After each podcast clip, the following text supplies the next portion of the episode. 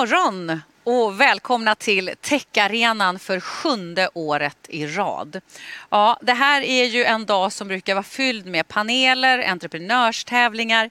Det är Fokus innovation, entreprenörskap med hjälp av inte bara paneler och diskussioner utan även ett nätverkande. Men det här försöker vi ersätta så gott det går genom den här digitala sändningen. Och vi befinner oss nu på Waterfront i Stockholm och det är härifrån den här livestreamingen sker. Eh, Techarenan som ställe och som plats känner säkert många av er till som tittar just nu. Men det är just till för att främja innovation och entreprenörskap. Varje år så söker ungefär 500 bolag in till den tävling som också är en del av Techarenan. Det började för sju år sedan med ungefär 40 bolag som sökte in. I år har vi alltså 500 bolag som vill vara med. Något av det mest spännande det är det som ska ske alldeles härnäst tycker jag. Det är när vi får träffa chefer och människor i ledande befattningar och grundare av olika bolag. Fokus är ju nu förstås Sverige den här morgonen och bolag som befinner sig i Sverige. Mycket spännande panel har jag här och jag tänker att vi ska börja prata om förstås också de omställningar som många tvingats göra 2020 på grund av den pandemi som råder. Så jag börjar med att hälsa välkommen till Karin Lindahl från Indiska. Välkommen. Tack så mycket. VD. Bredvid dig Rickard Lyko. Du kallar dig lagerarbetare på LinkedIn. Mm, det är där jag hör hemma ja. egentligen. Men, Men har, har, har iklätt den här rollen så länge. Eller? Eh, ja, jag är VD också. Ja, du är VD ja, också. Dan Bjurman, Salesforce, välkommen. Tack så mycket. Asita Shariati från Annikura, välkommen. Tack så mycket. Koncernchef. Och så har vi Daniel Nilsson som är VD på Esato. Välkommen. Tack så mycket. Ja, jag nämnde här ledarskap och pandemi. Karin, ska vi börja med dig? Vad har det inneburit för utmaningar för dig som ledare, rådande läget? Men massa saker såklart. Eh, jag tror en av de få fördelarna med att eh, Indiska som bolag och, och, och, jag och min ledningsgrupp har varit i liksom en turnaround-fas en ganska lång tid är att vi, eh, vi har liksom lite vana av det här att man sätter sig nästan som ett war room och kraftsamlar inför någon stor uppgift. Så det, jag tyckte att precis när det slog till i mars så påminde det arbetssättet som vi satte igång då ganska mycket om det arbetssättet som vi hade för tre år sedan när vi var i rekonstruktion. Man mm. måste liksom ses ofta, man måste ha en eh, tydlig agenda med tydliga prioriteringar som man följer upp flera gånger om dagen eh, och man måste kommunicera enormt mycket mer än vad man gör i vanliga fall. Mm. Rickard, känner du igen dig i det här eller hade ni en annan typ av utmaningar?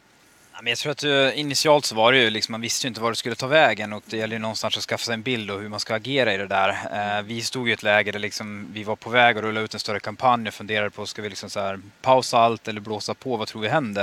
Mm. Eh, men där vi valde någonstans att fortsätta gasa egentligen och mm. så här i efterhand så visade det sig vara rätt strategi för oss då. Det slog ju hårt på retailen men vi såg att vi fick en väldig uppsida på online-sidan. Mm. Eh, så det har väl varit utmaningen där också att när det blir en sån enorm tillväxt, vi växte mycket innan men vi gick från att växa 40% till att växa 100% på online. Mm. Och det är klart att kunna hantera de flödena har varit en jätteutmaning att liksom få till att systemen håller och en rätt, och, eh, rätt antal personal på plats också.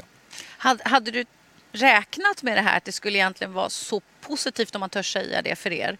Givet Nej, att pandemin slog till som Karin sa här, mars. Nej, vi hade ju ingen aning. Vi trodde ju någonstans att uh, det mesta skulle gå ner. Sen liksom börjar man ju inse att okej, okay, retailen kommer ta en smäll här. Mycket av förbrukningen kommer fortsätta så den kommer förmodligen flytta till online. Men, mm. uh, men det var ju allt annat än klart då när man satt då. Så här i efterhand så är det lätt att dra slutsatserna som det alltid är. Att, mm. ja, men det hade man kunnat räkna ut att det skulle bli så här. Men just då hade vi ingen aning. Nej. Dan, Salesforce det är ett stort företag globalt. Hur många anställda är det globalt? Jag tror eh, dagssiffran är 54 000 globalt. Och som ledare, som chef, pandemin, vad hände hos er? Vad var dina utmaningar i början? Dels så tog vi ett eh, tidigt beslut att stänga ner. Jag tror det var eh, typ veckan efter sportlovsveckan. Mm. Och vi har haft stängt kontor i Sverige sedan dess. Och jag tror eh, det som blir påtagligt för mig och eh, mina ledare är ju liksom hur viktigt det värdestyrda ledarskapet är mm. och hur viktigt transparens och kommunikation är i de besluten som vi fattar. Mm också en tydlighet att släppa in alla medarbetare i relation till det beslutsunderlaget vi ställs inför mm. och varför vi tar de besluten vi, vi tar mm. med lite mer granularitet och lite mer insight så att vi alla är gemensamt är med på den riktningen som vi tar framåt. Asita, vad, vad, kände du som ledare och VD var liksom den viktigaste, vad ska man säga, viktigaste uppgiften som ledare under den här och är under pandemin?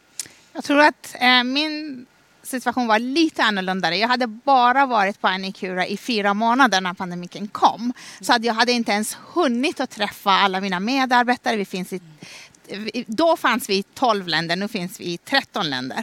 Eh, och verkligen tänka på att det här är det värsta mardrömmen man kan vara. Så du, du vet inte exakt, du känner inte verksamheten och sen kommer pandemin och den då du måste bara träffa dina medarbetare genom en skärm. Det är det det handlar om. Men det som var väldigt bra det är att Anikura är ett syftedrivet företag. Det innebär att alla våra medarbetare har ett syfte varför de är på jobbet. De har drömt att jobba med det de gör sedan de har varit fem år gammal. Mm. Och det innebär att fortfarande, det här syftet var där. Mm. Och det som var viktigt för oss, redan från dag ett bestämde vi, att, bestämde vi i, i ledningen och tillsammans med ägarna att personalen är nummer ett. Mm. Där lägger vi vår fokus mm. och där deras välbefinnande och hälsa går, går som nummer ett. Mm. Så då var det mycket lättare att äh, fatta beslut. Så att vad som är att göra. Och det som vi gjorde, vi bestämde oss också att ingen ska bli ekonomiskt drabbad på grund av pandemin. Mm. Och det är det som var, gav en styrka även till personalgruppen. Är du sjuk, då ska det inte påverka dig ekonomiskt. Mm. Och det gjorde att det skapade en helt annan motivation och driv i bolaget. Att vi verkligen menar med, med vad vi säger mm. när vi säger att vår prio ett är vår personal. Daniel Esatto, mm. PR-byrå. Nu hörde vi Asita här, det är veterinärskliniker, det är människor som jobbar nära, i det här fallet djur, mm. människor. Viktigt att hålla motivationen uppe. Vad skulle du vilja säga som PR-byrå? Det här är ju synlighet också som Asita nämnde, alltså svårigheten att synas. Ja, eh, vi, jag känner igen mig mycket av det som ni berättar. Vi, vi tog också ett väldigt tidigt beslut att, att de som går in i den här krisen på Esato, de ska också komma ut ur den här krisen mm. på Esato. Och så kommunicerade vi det väldigt tydligt. Eh, och det tillsammans med att vi tog fram ganska tydliga scenarion om vad vi trodde om framtiden. För för oss var det också sådär, stopp, vad händer nu? Vad ska vi göra? Hur kommer den här marknaden se ut framåt? Mm. Eh, det försökte vi, några kloka hjärnor att tänka ut så vad, vad, vad är rimligt? Mm. Vad, vad kommer vi att landa någonstans? Eh, och då skapar man någon typ av säkerhet i den här osäkra situationen så att personerna som jobbat hos oss kände att ja, men vi alla ska igenom någonting och det här är spelplanen som vi ska spela på. Eh, och då känner jag igen mig väldigt mycket i det du säger att, att eh, det vart en framåtrörelse i bolaget och man, man fick med sig alla på, på den här resan som man visste kunde bli ganska tuff. Mm. Men alla var där tillsammans.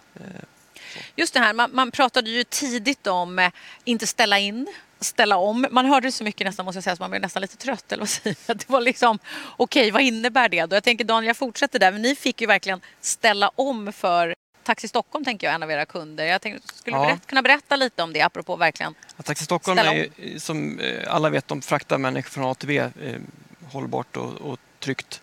Eh, de, eh, deras affär har ju funkat bra i 120 år men den dog ju från en dag till en annan. Det var ju ett tvärstopp. Jag tror att de hade mindre än 20 procent av sin marknad eh, dag X.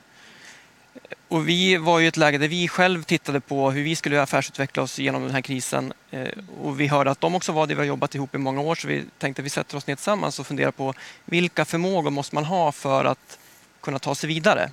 Eh, och fokus var egentligen inte på att få fram de bästa idéerna utan fokus var på att skapa möjligheter att eh, hypotesdrivet ta fram idéer mm. och, och, skapa en modell för det tillsammans.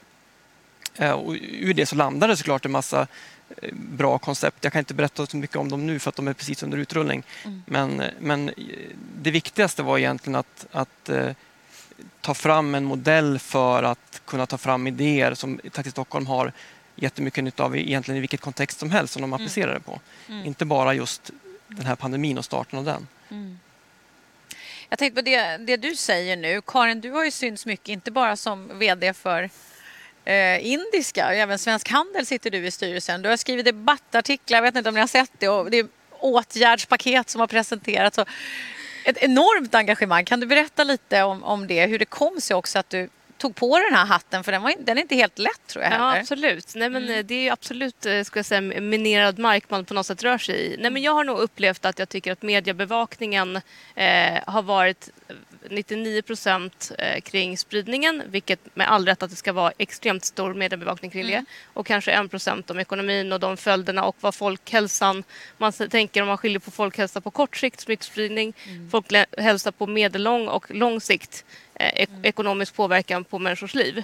Eh, och jag du, du tycker att- tänker på liksom arbetslösheten till följd av det här? Ja, exakt. Sociala, psykisk exakt, psykisk ohälsa. ohälsa. social isolering, eh, att man inte kommer ut på arbetsmarknaden, man får inget fotfäste, man har utbildat sig och lagt massa pengar på, på studiemedel, man får inget Ja. jobb efter examen och så vidare. Eh, Och vi är ju många organisationer som är drabbade som, som anställer väldigt många unga och också anställer folk som kanske inte kommer från Sverige från början som får en fot in på arbetsmarknaden. Eh, Och jag tycker att den typen av bevakning och vad man då behöver göra för att få hålla samhället igång ekonomiskt har varit jag menar att det har varit ganska lite på det. Eh, och vi pratar oerhört mycket om vad man tycker och tänker om stödpaketen, vad man skulle behöva hjälp med och så vidare. Ja. Eh, och det tror jag alla ledningsgrupper gör och har åsikter och så vidare i sin lilla grupp. Eh, och ju mer jag pratade runt desto mer så kände jag att ja, men, alla, verkar ha, eller många verkar ha lite samma typer av åsikter och då, då eh, tar jag bladet från munnen och säger det eh, i så fall. Jag tänkte på det Asita sa, det här, du betonade ju vikten av personalen i det här, att ta hand om personalen. Hur, hur har ni jobbat med det på indiska också? Allt från människor i butik med säkerhetsaspekt till det här psykiska, förhoppningsvis välbefinnandet. Ja. Eh, nej men för det första har vi lagt väldigt mycket tid på kommunikation. Det gör vi ju alltid. Men, men under de första skulle jag säga, tio veckorna så skickade vi ut information varje dag på temat det här har vi arbetat med idag, det här tänkte vi arbeta med imorgon. Och sen så nästa dag så kom det här har vi nu följt upp från igår och det så här ska vi göra nästa dag. För att bara ge en trygghet i att varje dag så försöker vi liksom knuffa på hjulet för att det ska röra sig i någon riktning. Eh, och också när vi inte har någonting att kommunicera så har vi kommunicerat att vi inte har någonting att kommunicera. Så att man alltid ska känna att varje dag så får man någon information om vart bolaget är på väg. Eh, sen har vi försökt eh, ligga väldigt nära butiksrörelsen både såklart med massa samtal. Eh, när man kunde börja röra sig i landet igen i juni så har jag och försäljningschefen rest runt ganska mycket i Sverige och träffat, eh, liksom kommit till butikerna. Eh, vi har inte kunnat resa till Finland och Norge än, vilket vi verkligen saknar. Eh, och på kontoret så har vi jobbat rätt mycket i skift. Framför allt gett plats åt de kreativa eh, yrkesgrupperna, så inköp, marknadsföring, e-handel. Eh, och, eh, m- men liksom trappat upp organisationen och sen trappat ner den lite nu igen. Då. Eh, men tyckt samtidigt att det är viktigt att ha en liksom kärntrupp på plats. Både för att det ska spegla att vi ändå ber all vår butikspersonal vara ute i butiken och möta kunden och då måste vi kunna svara på det. Eh, Men sen så tror jag att det finns en, en effektivitetsförlust i det här eh, när man faktiskt inte kan ses och synka sig. Och vi har bara sagt att vi har ingen, vi har ingen möjlighet för den eh, att, att det skarvar någonstans. Utan vi måste vara 100% synkade. Det ska ju låta som jag så här, tänker nu kvällstidningsjournalist här, men det finns ju liksom vinnare i alla kriser. Lite grann. Det finns också de som kanske ser ut att tjäna till en början på detta. Men jag tänker jag hoppar direkt då, Rickard, till dina hundra lagerarbetare. Apropå det, precis som Karin sa, eh, e-handeln. Det, du sa tidigare här nu i öppningen att nej, men det hade ni inte, nog inte förväntat er. Skulle du kunna säga så här, kommer en kvällstidningsjournalist här, tre bra saker med pandemin för Lyko?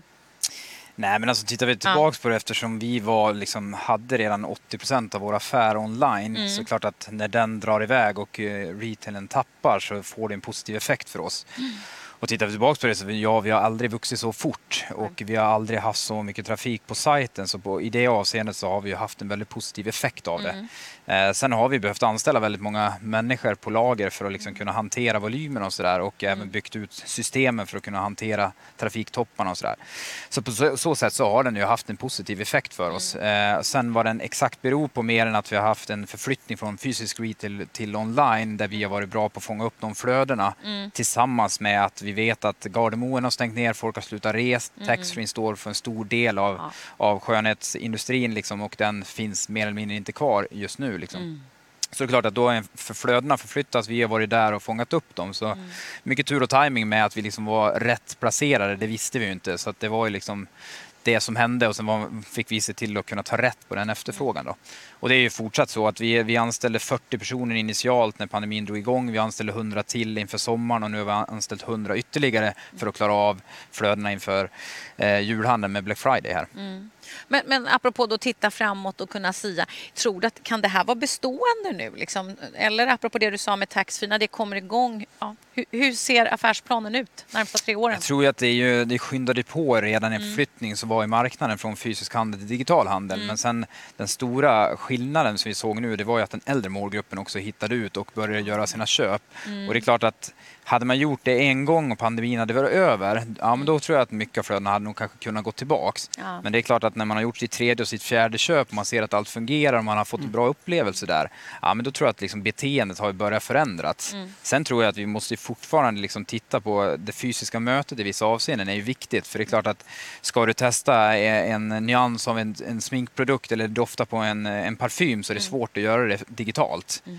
Vi har lanserat eh, där du kan testa sminket eh, i kameran och sådär men, men det bryggar liksom inte hela, hela grejen. Du har inte kommit liksom, på doft-tv än. Nej, vi har inte kommit där än. Liksom. Eh, så det är lite sådär. Men det är ju något vi däremot har infört så är att du kan köpa en full stor parfym och så får du med en tester. Mm. Och så kan du göra testet först och skicka tillbaka om du inte är nöjd och sådär. Så att eh, vi försöker ju brygga liksom det men jag tror ju någonstans kommer det finnas ett behov av ett fysiskt möte men det gäller ju att vara vart det är och var flödena kommer att finnas i framtiden. Det, det vet jag inte gå vidare till dig här Dan på samma tema då, för vi pratade ju om, det du säger nu också är liksom bestående kundbeteenden, frågetecken. Hur, hur jobbar ni på Salesforce med det här? Ni har ju väldigt mycket företagskunder. Bygger ni upp, apropå detta, verktyg, jag vet ni har CRM-system och så vidare, som liksom permanenta lösningar så här kommer det att bli, eller hur ser prognoserna ut hos er? Eh, jag tror eh, den förflyttningen vi har gjort, precis som, som Lyko vittnar om, är ju en förflyttning på alltså prognosen fem år på fem veckor eller fem månader. Mm. En enorm hyperfart i acceleration till digitalt. Jag skulle säga kommer inte, den bestå? Jag skulle säga så här, kommer den bestå frågetecken? Den kommer att bestå utropstecken, vågar jag påstå. Okay. Speciellt när vi ser stora liksom, målgrupper av äldre som förflyttar sig och ser att det är enkelt och smidigt. Vi ser liksom, en massflytt digitalt. Mm. Eh, och, och, det här genomsyrar inte bara traditionella kanske, vad heter, branscher som man typiskt ser som digital, som retail och så vidare. Jag menar, ta en kund till oss, Mathem, ökad försäljning 200 procent. Vi ser hästens sängar. Och de kommer inte gå tillbaka och handla på lokala affären tror du? jag tror att man kommer fortfarande, ja det, jag, ja. det är klart man kommer göra det, mm. men hela e-handeln, det finns en studie här som kom ut för några veckor sedan 33 eh, procent ökar e-handel. Jag tror att det är liksom ett beteende som kommer att vara bestående för att mm. vi har inte sett eh, slutet på den här pandemin. Eh, långt ifrån mm. tror jag. Den kommer ju att fortsätta. Och nu talar du globalt till och med givet Salesforce. Globalt jag. till och med. det här är inte, vi pratar inte Norden, Nej. Sverige, vi pratar globalt. Mm. Mm. Eh, Asita, apropå det, alltså traditionellt vård är det egentligen Annikura sysslar med och har sysslat med länge. Men, men hur, hur, har verksamheten där med tanke på det digitala förändrats senaste året? Faktiskt den digitala resan som Annikura började, började innan eh, corona och den här pandemin. Men det som var intressant att lanseringen av Annikura online var planerad i mars. Så att det kom precis, allting var färdigt. Så att, ibland ska man ha tur. Ja. Och det var precis det som det hade varit. Så att det blev en raket om man säger så, start för eh, Annika Runline där du träffar, egentligen om vi tar bara Sverige, vi har 44 fysiska kliniker och sen har du en eh, en klinik i din ficka eh, genom din mobil. Så att eh, där är det, skapar flexibilitet, det ger en annan närhet till, eh, till veterinären när, du har, när eh, ditt djur har problem. Mm. Så att på det sättet gjorde att vi snabbt kunde ta emot Eh, och svara till det behovet som fanns i samhället. Mm. Eh, och vi ser att det är flera, eh, bara på en månad, det var tiotusentals personer som eh, eh, tog hem appen och vi, har, vi, ser att den utvecklas varje dag. Mm. Bara under de här månaderna, vi har även lanserat i Norge och Danmark och vi, vi ser att hur väl det fungerar. Eh, och det som är bra, det, det, in, det här appen det ger inte bara ett mervärde till våra kunder. Det ger ett mervärde till våra veterinärer. Så nu kan de jobba mycket mer flexibelt. Mm. Så att då kan du, om man säger så, jobba på kliniken några dagar och sen kan du jobba med appen några dagar eller jobba på förmiddagen på kliniken och eftermiddagen kan man jobba då, eh, digitalt. Så att det skapar en annan flexibilitet även för den här målgruppen som kanske att jobba hemifrån Mm. har inte varit någon de hade inte någon möjlighet för det. Så det där jag bara känner att det är tillgängligt, det, Mm. det, eh, det ökar tillgängligheten, bättre kvalitet. Eh, ibland eh, vi har kunder som ringer och efter att ha pratat med veterinären, de behöver inte ens söka upp vård. Nej.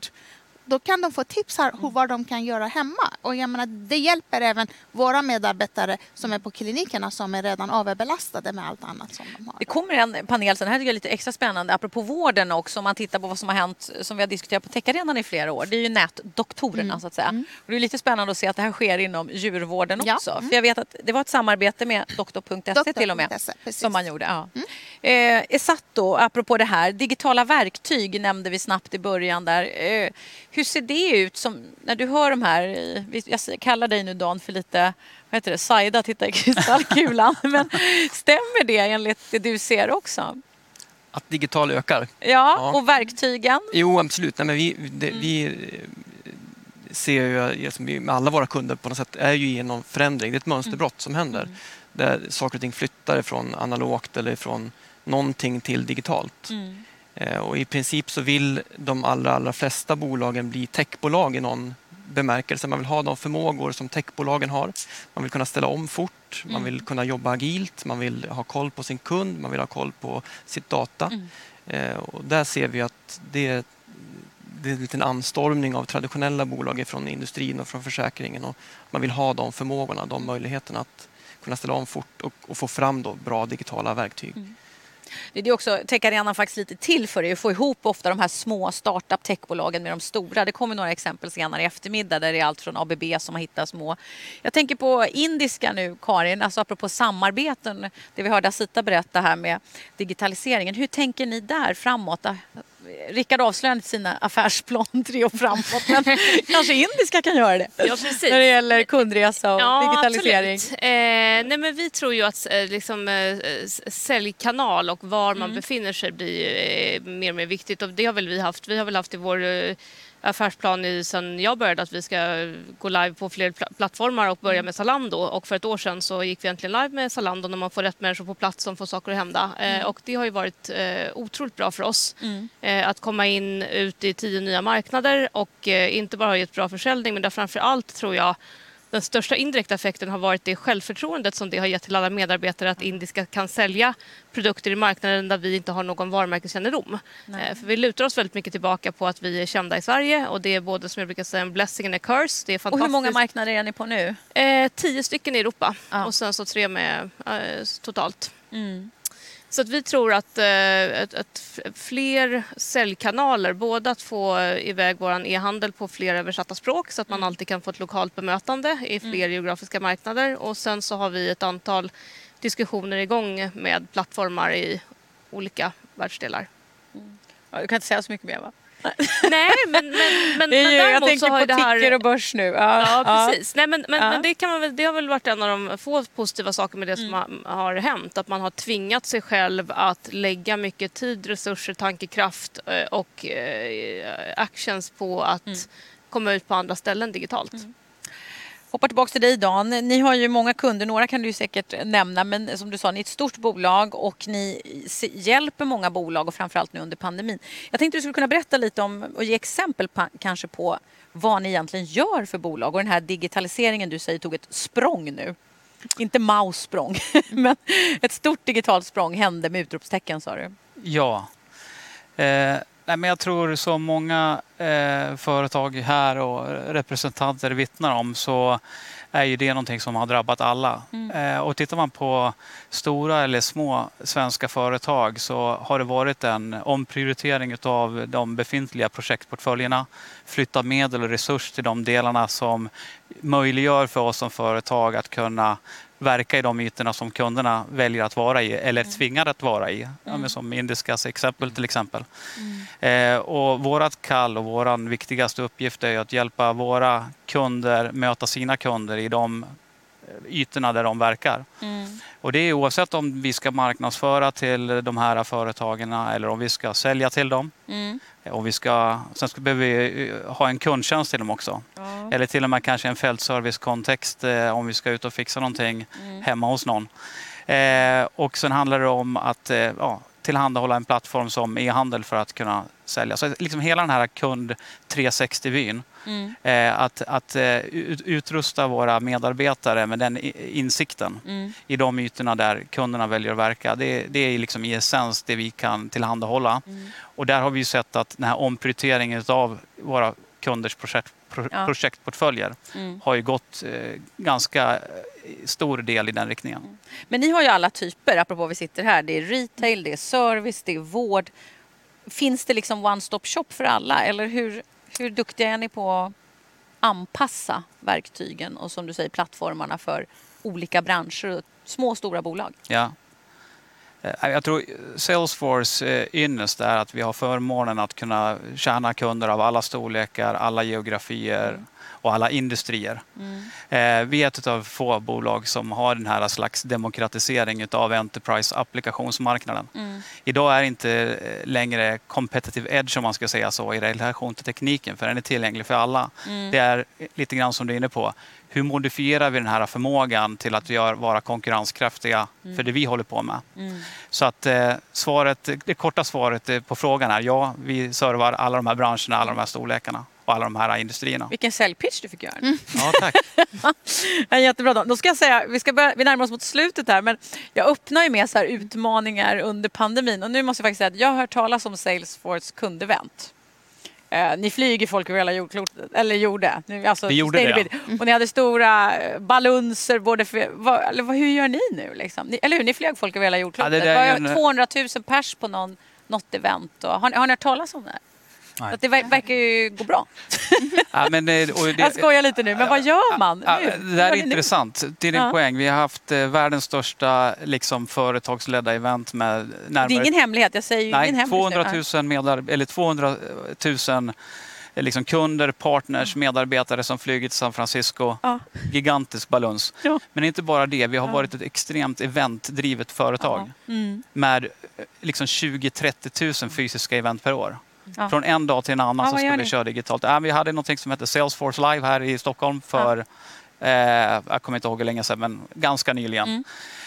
Eh, och vi brukar ju vara här på Waterfront eh, när vi har haft vår basecamp som vi kallar det med 2400 eh, liksom deltagare. Ja, Men nu körde vi digitalt, ställde om, körde en livesändning i en och en halv Det timme. är ingen sån här Zoom Teams sändning Nej, nej en, en tv-produktion, lite grann som den här. Och vi hade väl 2008-2900 tittare i den här digitala kontexten. Men just den omställningen också, att simma i, och segla i oprövade vatten är ju skrämmande, men också lite härligt för att man aldrig gjort det förut. Skräckblandad förtjusning kan man säga, när man har byggt ett helt eh, stort bolag på fysiska event. Jag tänkte avslutningsvis, eh, för att eh, de som tittar, vi, nu har ni fått många goda råd och hört lite erfarenheter. Tiden gick fort känner jag faktiskt. Eh, det är ju ändå så att man kanske vill ha de här Holy Three, eller vad säger man? De här heliga tre råden. Karin, mycket ledare och chefer som tittar. Tre, tre snabba. Under dessa tider. Är det håll ut eller är Ja, det... precis. Nej, men det är ju, håll ut är absolut den. Vi Ja. pratar mycket om att eh, vi befinner oss i en tunnel eh, och den har en, ett utflöde någonstans i 2021, vi vet inte när. Eh, Mm. Och vi ska bara ta oss igenom den eh, tunneln. Så jag tror hå- hå- håll ut, Mm. eh, kommunikation eh, och att jobba med framtidsprojekt för det som komma skall, för det får man väldigt mycket energi av. Bra, det gillar entreprenörerna som tittar. Ja, Rickard? Eh, nej, men jag tror att många gånger när vi pratar digitalisering och allt det här och eh, det verkar ju sjukt avancerat. Vi pratar stora produktioner och det är svårt. Men eh, jag tycker inte att det är så svårt och jag tycker att man borde våga testa bara.